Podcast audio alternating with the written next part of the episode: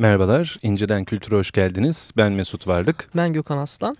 Bugünkü programımızın konuğu Gökhan Aslan. Evet, öyleymiş. Gökhan hoş geldin. Hoş bulduk. Ee, bildiğiniz gibi bundan birkaç hafta önce e, Güzin Yener'in e, bitirme tezi, master tezi e, üzerine dört program arka arkaya yapınca e, Gökhan koridorda kendini yerlere atarak e, benim niye yok, ben iki tane master tezi yazdım, ben niye konuk alınmıyorum diye e, ağlayınca dayanamadık. Kendisini konuk olarak aldık. Mahkemede görüşürüz. Peki. Görüşürüz efendim. Ee, mahkemeden önceki açıklamalarınızı almak üzere o halde. Ee, öncelikle 2009-2010 e, döneminde Maastricht Üniversitesi'nde vermiş olduğun Conceptualization of Surveillance yani gözetimin kavramsallaştırılması evet. başlıklı tezin ve ardından bu yıl 2012 yılında e, Bilgi Üniversitesi Kültüre İncelemeler e, yüksek lisans programına verdiğin anonimlik deneyimi ve sosyal medya etkisi başlıklı iki adet master tezin bulunuyor. Evet. E, istersen bunlardan bahsederek mevzumuza girelim. Tabii bunları bir başlangıç şeyi muhabbetimizin biraz başlangıç noktası gibi kullanacağım. Çünkü aksi halde e, şey olur diye kısıtlı kalır diye de düşünüyorum. Çünkü gözetimden e, bir e, şeyde ışık Barış Fidaner'i aldığımız evet. programda biraz bahsettiğimiz evet, için tekrar Aslında zaten tabii yani işin makarası bir evet. kenara e, Barış'la yaptığımız o iki programlık e, gözetim meselesinin bir devamı olarak devamı gibi de görülebilir. Seninle ve tezlerinle evet. bahsedeceğiz. Şimdi e, ilk e, Maastricht'teki tez, tez için yola çıkarken e, baz aldığım noktalardan biri e, şeydi. E, insana dair bilgi aslında. Herhangi bir bilgi bu. E, bu epistemolojiden bahsetmiyorum. Yani onu tanımlayan ve onu e, toplum içerisinde e, belli bir e, noktaya aslında sabitleyen e, kimlik bilgisi ya da bunu ben biraz daha e, şey yaparsam enformasyonel kimlik üzerinden gittim.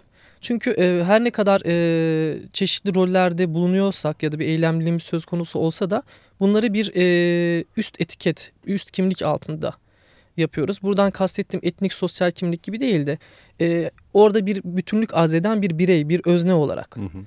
E, ve bun, bu e, farklı noktalarda farklı özne etiketlerine sahip olabiliriz diye düşünmüştüm. Bu sayısallaşan beden meselesinin de, bir tür verilerle e, evet. ortaya konan her türlü veriyle ortaya konan profil versiyonu Tabii. ya da hali diyebilir miyiz buna? Yani e, evet bir profil aslında ama bunun tabii evveliyatı var. Hı hı. E, bu e, soyadı da aslında buna dahildir. Yani o kişiyi toplum içerisinde bir e, e mesela e, ilişkisel lokasyon, hali. işaretleme, ilişkisel lokasyon, coğrafi lokasyon o alanda bir sürü e, noktada bu lokasyonlama çabasının bir şeyi aslında sonucu. E, bunu işte anne baba isimleriyle, ibnle, binle bağlayarak ya da işte başka e, Amerikan soy isimlerinde McDonald's'ın o Mac'leri ya da Alman şeyde Hollanda'da Fan'da bağlayarak aslında İspanyol bir sürü daha falan. gider bunlar. Bunlar akrabalık bağları üzerinden bir şekilde o kişiyi e, tanımlama çabası, identification buradaki tam e, terim olarak. E, yani? Fakat yani tanımlam o kimlik tespiti Türkçesi yani tanım kimlik tespiti diyebiliriz. Hı hı. Ee, ama daha böyle geniş ve daha rahat bir şeyi tanımlama diye ben çevirmeyi uygun buluyorum ama e, tam anlamıyla kimlik tespiti diyebiliriz aslında. Ama bu GBT gibi falan değil. Kişinin kimliğinin bir şekilde e, bir profil altında e, şey olması. Bir, bir profile bürünebilmesi aslında. E, tabii bu eski önceki programda da bahsettik yani nüfus kayıtlarından da başlayabiliriz. Kişilerin birbirlerini tanımlamak için kullandıkları lakaplar var. Hı hı. Aynı zamanda e, elbiseler var, dövmeler var, giyim tarzları ve bunlar var. Bir sürü şey aslında bizi e, o ilişki ağında e, e, bir yere sabitliyor ve bizim statümüzü ve e, kim olduğumuzu belirliyor. Şimdi gözetim noktasından bakıldığında gözetimde bu tüm o belirteçlerin hepsinin bir araya birileri tarafından toplanma bir şekilde bir araya getirilme eylemi olarak düşünülebilir. Ve bir şekilde kaydedilip e, devamlı bir şekilde e, bunun kullanılma e, kullanılması amacıyla bir şekilde bir şey yapılması. Bir araya getirilme çabası diyeyim en kısa haliyle. Ama bunun içine eylemler de gün be gün e, günlük aktivitelerde girebiliyor artık. E, böyle bir şekilde yola başladım. Bunun neden önemi var? Çünkü e, bir sürü gündelik hayatla ilgili bir sürü konudan bahsedebiliriz. Etnik, e, sosyal, kültürel, dini, cinsel tercihlerimizden bahsedebiliriz ama bunların hepsiyle ilgili e, attığımız adımlarda bir şekilde o adam o adımı atanın biz olduğunu, onu yapanın biz özne olarak biz olduğumuzu bir şekilde e, farkındayız ama başkaları ya da e, bir şekilde ilişkide olduğumuz diğer insanlar da bizi bir şekilde e, şey yapmak durumundalar. E, ne derler? Tanımlamak durumundalar ki e, aslında e, şey olsun. O noktada biz e, kabul görmüş olalım. O, o, o, yap o işi yapan, o eylemde bulunan özne olarak. O yüzden e, biz kendimizin farkındayız belki ama bizim kullandığımız bu e, etiketlerin, belirteçlerin, isimlerin de bir şekilde dolaşımı söz konusu. Onlar bizi temsil ediyor gittiğimiz yerlerde hatta biz orada yoksak bile. O yüzden ciddi bir anlamı var e, diye düşünüyorum bunu. Aslında bu yapı bir şey halinde e, sen anlatırken kafamda e, Lacan'ın e, dille ilgili şeyi geldi aklıma. E, modellemesi geldi aklıma. E, kelimeler için daha doğrusu e, isimler için yani insan ismi değil isimlendirme, anlamlandırma hı hı. anlamında e, şey için puan de capiton evet. der ya e, yorgan düğmesi gibi e, orayı e, belirlemek ve işaretlemek için yapılan bir tür zımbalama hareketi. Hı hı. Aslında senin e, bu bahsettiğin o profilin çıkma hali ve e, onun çıkış sürecindeki e, isimlendirmeler, e, lakaplar, e, yönlendirmeler vesaire hı hı. bunların hepsi de aslında onun gibi işliyor. Yani nasıl ki insan bilinci kendi işleyiş e, minvali üzere bir dil kuruyorsa aslında e, tıpkı o dilin işleyiş e, şeyi halinde e, işleyiş biçimine e, uygun bir şekilde de sosyal hayatını evet. ve bu e, sosyal medya gibi sanal bir ortam dahi olsa onu da benzer bir mantıkla kuruyor. Tabii. Anladığım kadarıyla. Burada görsel bilgi de var. E, söylemsel olan da var evet. ama görsel bilgi de var. E, biz bir yerde bir kişiyle e, iletişime geçtiğimizde e, öncelikle kendimizi istesek de istemesek de tanıtmış oluyoruz. Yüz yüzeysek özellikle ondan bahsedelim. Evet. En kolay o çünkü. Evvela zaten bir görünüşümüzde bir kayıt altına alınıyoruz o kişi tarafından. Evet. Gözetleme denilen şey hani e, hep iktidar falan konuları üzerinden tartışılır ama bu da bir şekilde kayıt altına almalıdır. Ben seni görüyorum ve elbisen ve e, seninle ilgili ilk izlenimimi bir şekilde alıyorum. E, şeyde zihnimin arka şeyinde odasında tutuyorum. Bir yandan konuşuyoruz. Tavrını, cümleni, aksanı, dilini nasıl kullandığını falan. Bunların hepsiyle beraber aslında biz profillemeyi devamlı yap, yapıyoruz. Bu evet, yeni yani, bir şey değil. An itibariyle mesela şu anda e, bizi dinleyenler de seslerimiz üzerinden evet, bizi bu çocuğun sesi böyle. Aslında. Gökhan Gökhan'ın sesi bu. Bu Mesut'un sesi diyerek işte konuştuğumuz konular içeriksel olarak bile analiz yapılıyor. Çünkü e, yani bu bilgisayarlı üzerinden yapılan gözetim ya da kameralar e, hepsi aslında e, daha mükemmeli olan insan e, zihninin e, şeyidir yani bir şekilde onun e, kopyalarıdır diyeyim. Burada bir riske girerek söylüyorum. Tabii bunun ötesine geçen özellikleri var da bilgisayarların. Ama nihayetinde e, bu aygıtlar bize e, e, rehber olacak şekilde dizayn edildikleri için bizim anlayabileceğimiz bilgileri anlayabileceğimiz şekilde kaydediyorlar. Görseli ve metinsel bilgiyi. E, burada bunun önemi noktasında da dediğim gibi e, biz farklı mecralarda, farklı e, ortamlarda, farklı rollerde bulunuyoruz ama bizi orada, o rollerde bizi etiketleyen ve bizi aslında yetkilendiren, authorization diyelim, onu yetkilendirme diye çevireyim e, insanların nezdinde bizi yetkilendiren, otorize eden bir e, kimlikler e, bütünü söz konusu. Ve e, bunların e, bir şekilde bir araya getirebilmesi demek aslında çok e, ciddi bir profil oluşturabilmesi demek. Biz bunları e, eğer bir kişilik bölünmesi yaşamıyorsak e, bir bütüncül deneyim olarak yaşıyoruz. Ben gittiğim yerde farklı isimleri bile kullanıyor olabilirim. E, ya da farklı e, şekillerde tanınıyor olabilirim.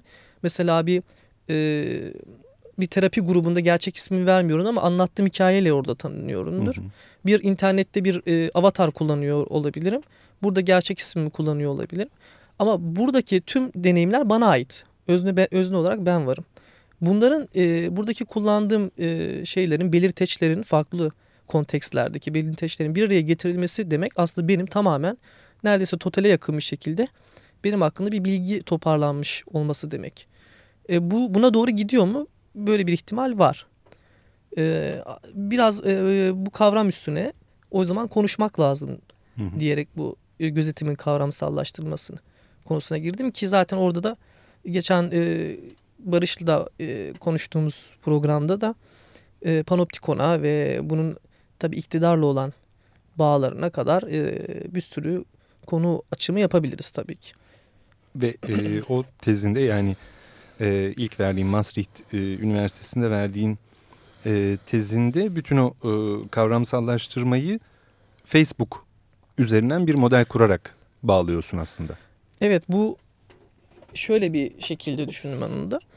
E, panoptikon denilen e, model e, gerçekten açıklayıcı bir model. E, bir metafor olarak kullanılıyor bir mimari. E, gözetimle e, üzerinden yaratılan yeni bir öznellik söz konusu.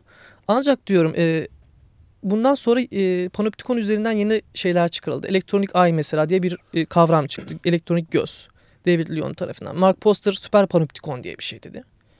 E, başka şeyler de çıktı. Panoptikonu kullanan, onun üstüne eklemleyen.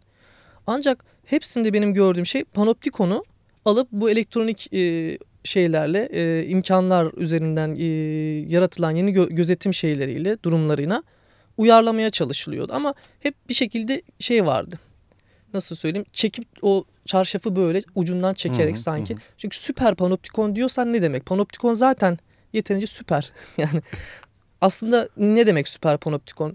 Ee, bir hormonlu bir sistem mi? Zaten Big Brother ya da e, panoptikon denilen metaforlar yeterince e, zaten açıklayıcı. Mükemmel. Evet. evet. evet. Yani bu şeyle daha mı süper oldu üstüne e, elektronik şeyler, imkanlar eklenince teknolojik imkanlar. Ya da o e, şey ilişkisi iktidar ve yeni öznellik e, durumu dışında yeni bir şey söylüyor ama hayır. O yüzden ben e, Facebook'u neden kullandım?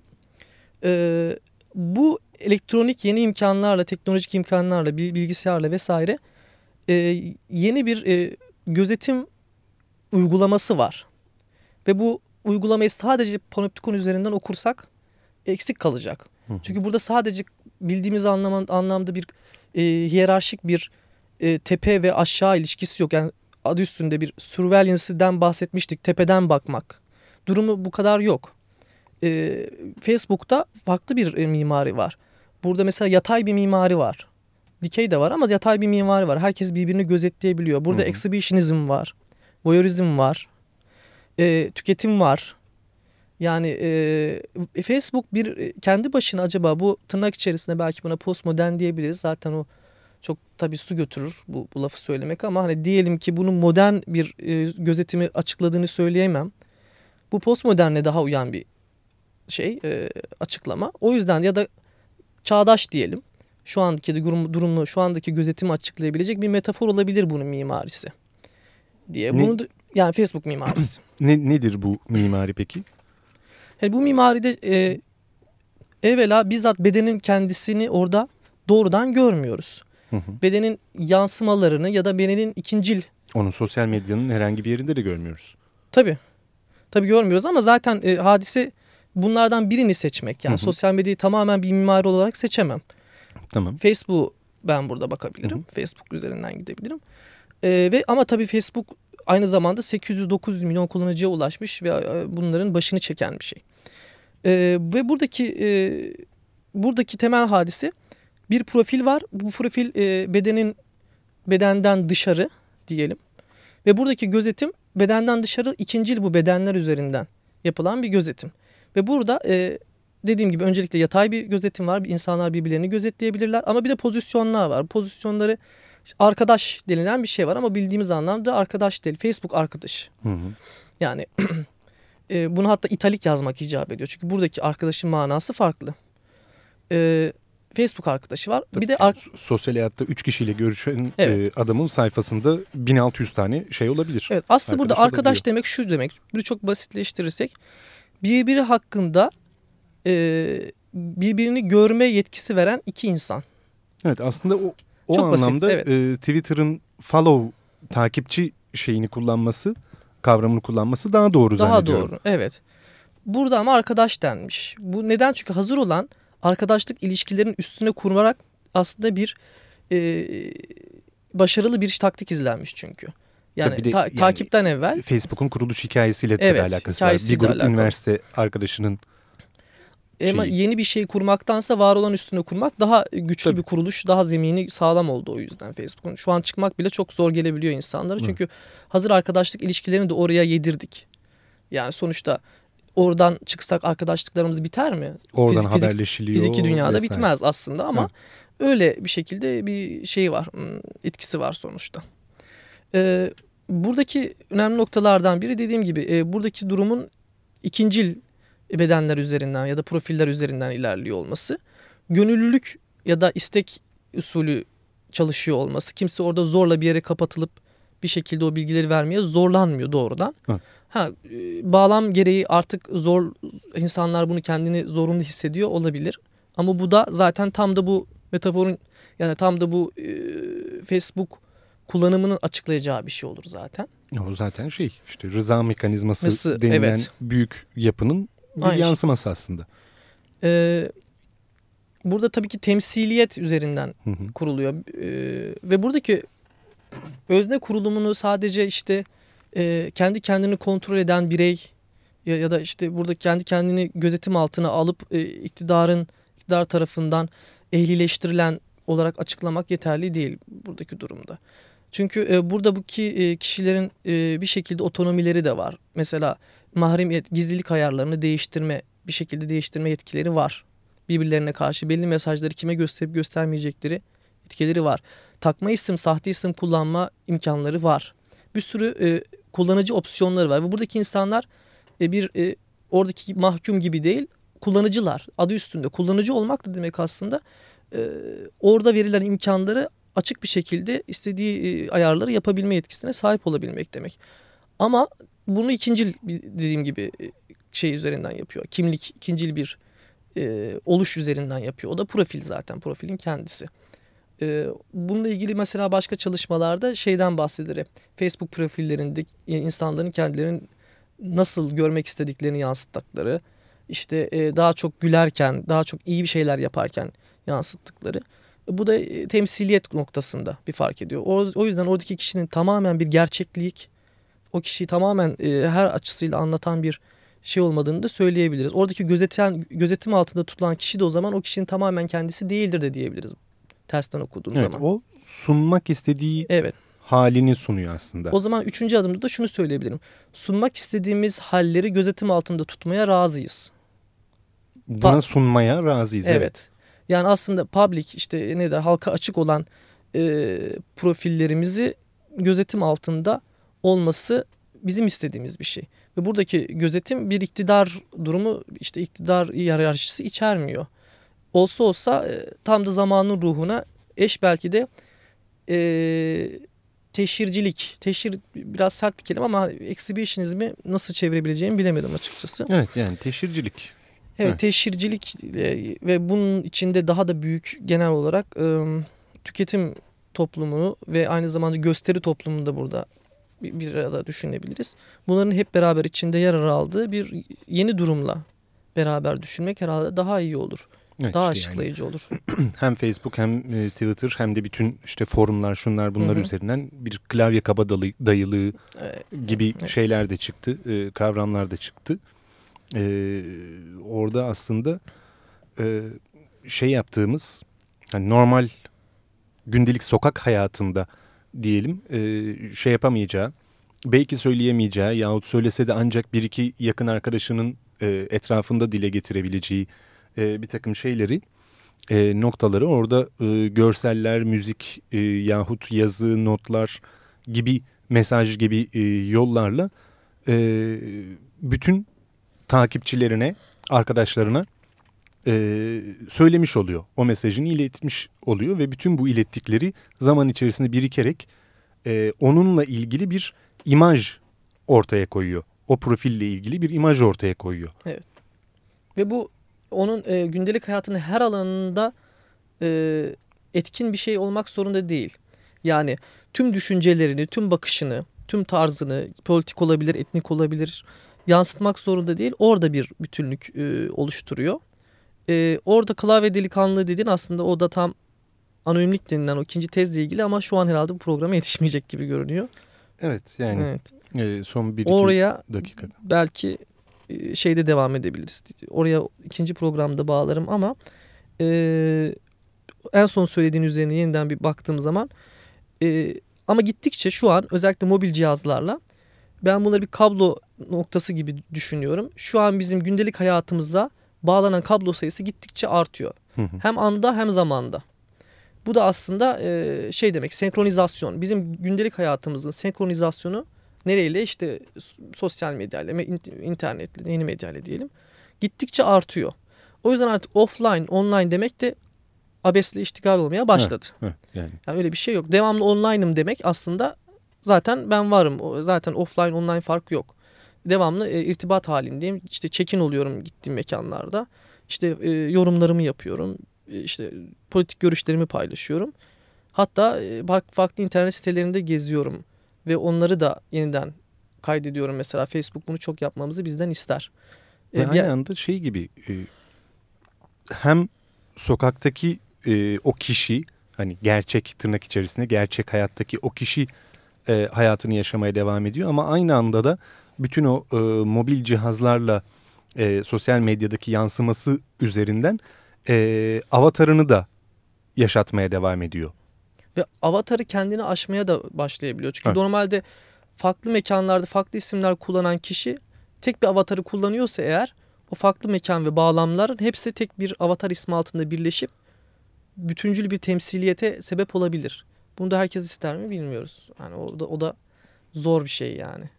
Peki bunu bu biraz bunu bir hafta konuşalım. kadar düşünelim ve önümüzdeki hafta devam edelim. Ee, İnceleyen Kültür'ün bu haftada sonuna geldik. Önümüzdeki hafta yine e, Gökhan'ın yazdığı tezler üzerinden anonimlik vesaire etrafında e, devam edeceğiz.